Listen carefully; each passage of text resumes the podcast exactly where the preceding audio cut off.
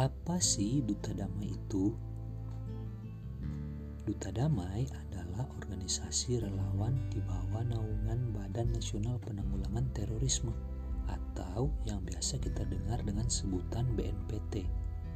Duta Damai bertugas untuk menjaga kedamaian di dunia maya dengan cara menyebarkan konten-konten positif melalui website, media sosial, dan sebagainya juga melakukan pencegahan penyebaran berita-berita hoaks di dunia maya. Nah, Duta Damai mulai dibentuk pada tahun 2016. Sampai tahun 2018, Duta Damai telah ada di 13 provinsi yang tersebar di seluruh Indonesia. Salah satunya adalah Sulawesi Utara.